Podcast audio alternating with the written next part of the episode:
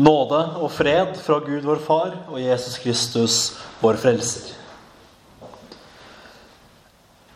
Jeg husker fremdeles min forrige skikkelige fjelltur. Det begynner å bli noen år siden. Dersom jeg ikke regner med turen opp i ymse åsesider på hjortejakt, og det gjør jeg ikke egentlig. Det var faktisk samme høsten som jeg ble ordinert og hadde begynt som vikar på Leikanger. Så får jeg vite av prosten at jeg skal ha utegudstjeneste ved et fjellvann som de kaller for Skriksvatnet. Greit nok, tenkte jeg.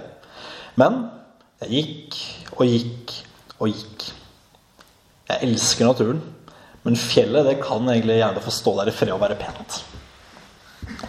Dersom jeg hadde vandret sammen med Jesus for 2000 år siden, så ville det ikke vært mine øyne som lyste av glede da han sa at vi skulle gå opp i fjellet. Jeg hadde nok trasket etter og lurt litt på om vi var fremme snart. Grunnen til at jeg forteller om dette nå, det er jo fordi jeg merker meg litt ekstra disse tekstene som handler om fjellturer. Det er noen av dem i Bibelen. Det står i teksten vår fra Matteus at Jesus tok med seg tre disipler opp på et høyt fjell. At det var et fjell, det var ikke helt ubetydelig, som vi skal se snart etter hvert. Men det vi vet, eller i alle fall kan regne med, er at dette fjellet som det er snakk om her, er nesten 3000 meter høyt. Og da settes det jo i en sammenheng. For da skjønner vi at oi, her er det et fjell som er eh, høyere enn vår egen Galdhøpiggen. Må ha vært litt av en tur opp det fjellet.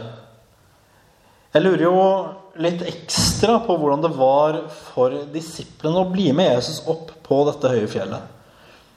Klarte de å tenke klart da de strevde seg oppover? Kanskje, men ikke helt sikkert. Samtidig så er det ikke helt utenkelig at det nå etter hvert begynte å bevege seg ganske tydelige altså jeg, har valgt å kalle det sommerfugler i magene deres.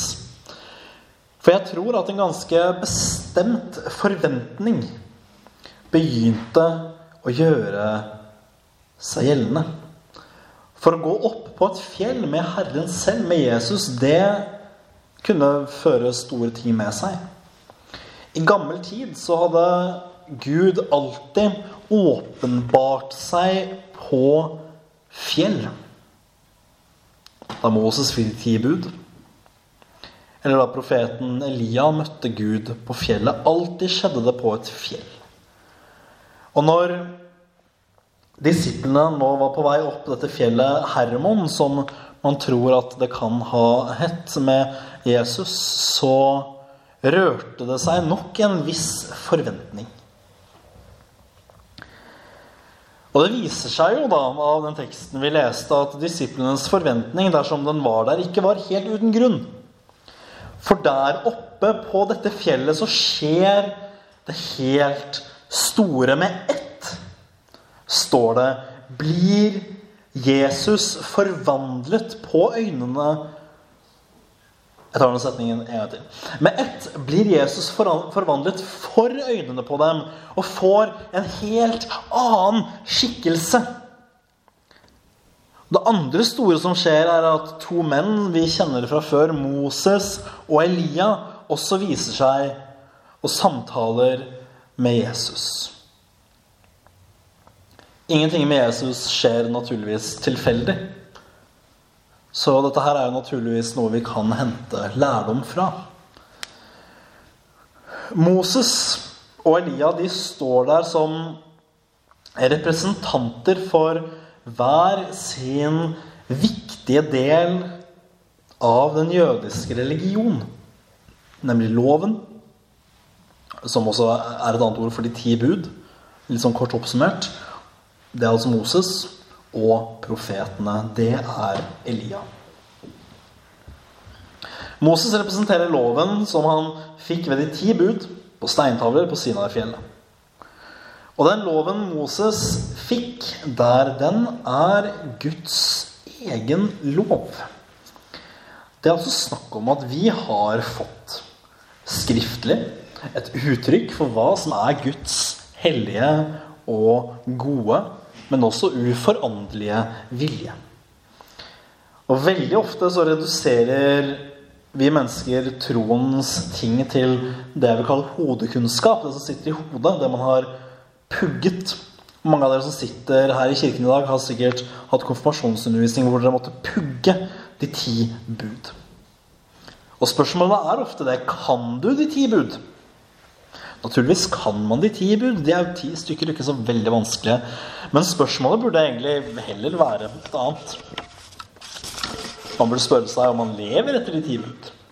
Man burde prøve seg i om man elsker de ti bud. Vi kan de ti bud. Vi vet at det er et uttrykk for hva Gud vil. Likevel lever vi som om de ti bud ikke er verdt noe som helst. Og dette er jo naturligvis et problem. Ja, det er selve det store problemet som menneskeheten drar etter seg i alt vi gjør. Vi vet jo faktisk sånn innerst inne i oss selv hva som er Guds vilje. Vi vet at vi skal tilbe ham og tro på ham. Leve rent i tanker, ord og gjerninger. Gjøre rett mot vår neste, osv., osv. Listen er lang. Men gjør vi det? Nei, selvsagt gjør vi jo ikke det. Selv om vi ofte er snille i mange sammenhenger. Men så krever Gud i sin lov fullstendig perfeksjon av oss mennesker. Og Det skulle egentlig bare mangle. Han er en hellig og perfekt Gud og har rett til å kreve det samme av oss mennesker. Men når vi ikke lever slik vi bør, når vi vender oss bort fra Ham som er vår Herre, så trenger vi noen til å minne oss om at det finnes en annen og bedre vei tilbake til Gud. Og Da står Elia for oss som representant for profetene. Det var profetenes viktigste oppgave. Å refse og formane til omvendelse fra israelfolkets synder. Vi ser det gjennom hele Det gamle testamentet. Guds folk, jødene, vender seg kontinuerlig bort fra ham. De tilber gullkalver og andre ting til andre guder, venner de seg til sine egne lyster. Bare generelt bort fra det som er godt. Så kommer det da profeter med hard stemme og refser folkets synder. Og jeg tenker at Vi skulle gjerne hatt profeter i våre dager også. Og hvor sårt tenker jeg nå er at vi trenger å bli røsket litt i, vi som lever i dag. Der samfunnet ruller rakt av gårde mot fullstendig moralsk løsrivelse fra alt. Vi trenger profeter. For profetens stemme er ikke nødvendigvis bare streng. Den skal nemlig også trøste. Og jeg tror, om det er noe vi trenger også i våre dager, så er det trøst. Og hvordan trøster profeten? Jo, ved å peke på løftet om Messias, om Kristus, om forløsningen og om frelsen. Og det store som skjer nå, det er at dette er et løfte som oppfylles. Fordi det som skjer på dette fjellet, det peker på det store som aktivt skjer når Jesus kommer. Loven oppfylles. Og Guds løfte ved profetenes munn oppfylles. Hvordan vet vi dette? Jo, naturligvis ved den stemmen som lyder fra skyen i himmelen. Den samme stemme som lyder ved Jesus sin dåp, som løfter opp og anerkjenner at dette mennesket er ikke bare det. Han er Jesus Kristus, Guds Messias, Guds sønn, det evige ordet som nå er blitt menneske han er den elskede som Gud har velbehag i, og i ham sammenfattes alt.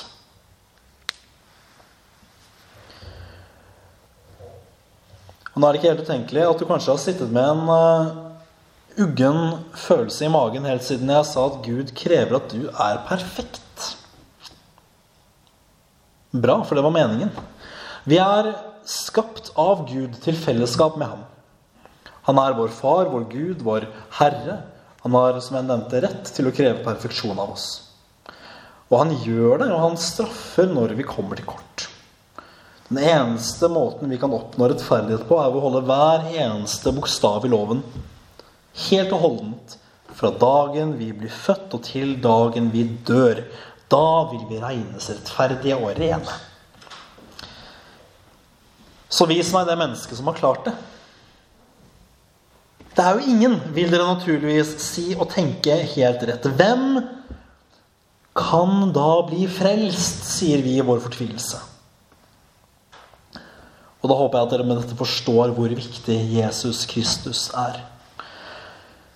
Jeg kan vise dere ham som har holdt hele loven til perfeksjon. Det er så visst ikke meg. Og det er heller ikke en av dere. Likevel så er han midt iblant oss her i dag. Han heter Jesus Kristus, og han er Gud selv.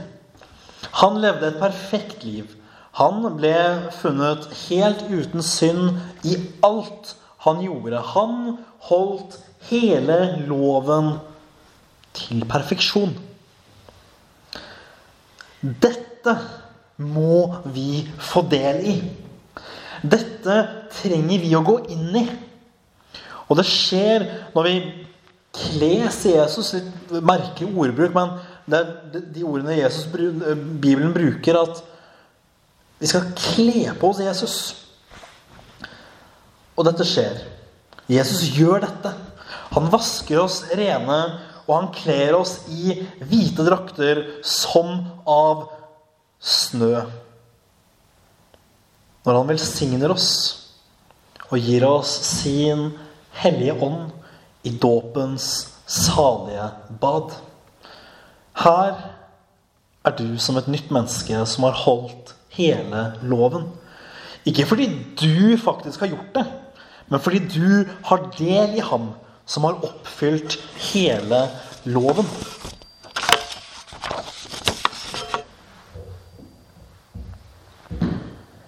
Og det stopper heldigvis ikke der. For samtidig som dette skjer, så har vi alle skyld for de lovbrudd vi har begått.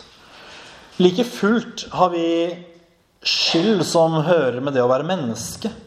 Pga. arvesynden, som er et begrep jeg regner med at dere kjenner, er vi alle av naturen så dypt fordervet at vi ikke vil makte å slippe unna verken dom eller straff. Spørsmålet blir da hva skal vi gjøre? Jo, vi skal naturligvis høre på profetenes stemme. Det de har lovet på løftet fra Gud.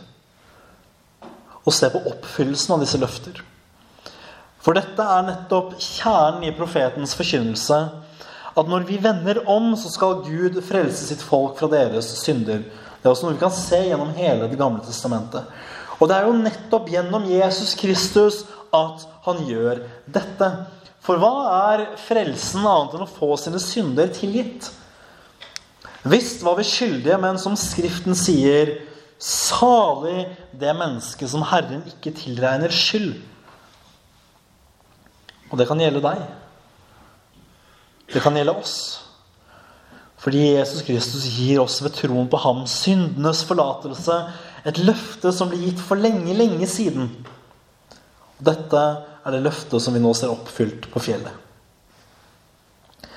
Og dette gjør at vi frimodige og uten frykt kan komme helt fram for Guds åsyn.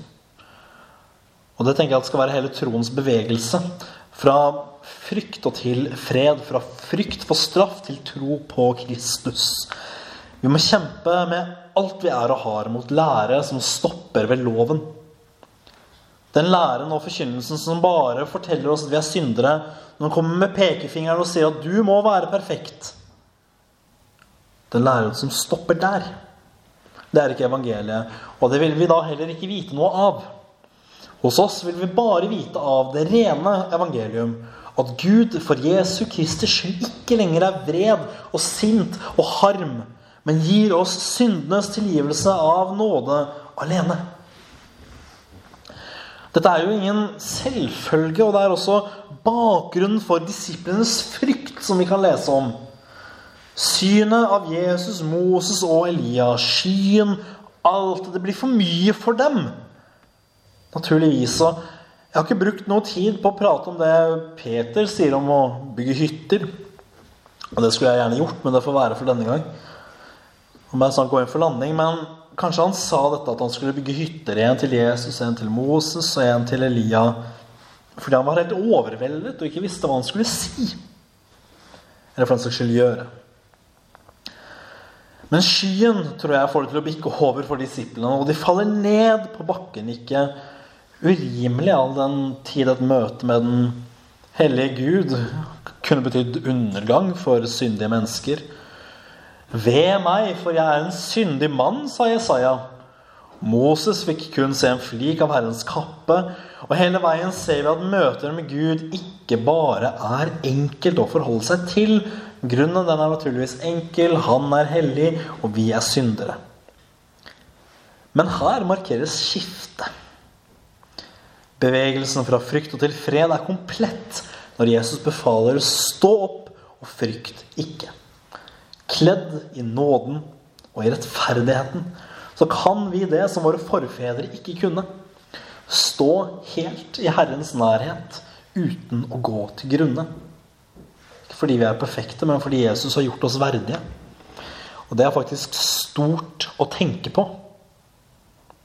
Det er det samme som gjør oss verdige til å ta imot Herrens legeme og blod i nattverden.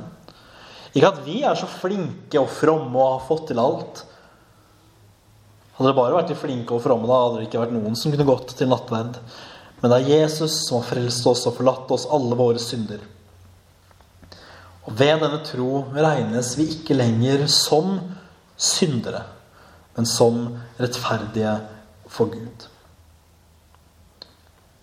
Og dette er den største nåde vi kunne fått. Og den største trøst vi kunne hørt. Som gjør at Jesu ord i sannhet står til evig tid. Frykt ikke.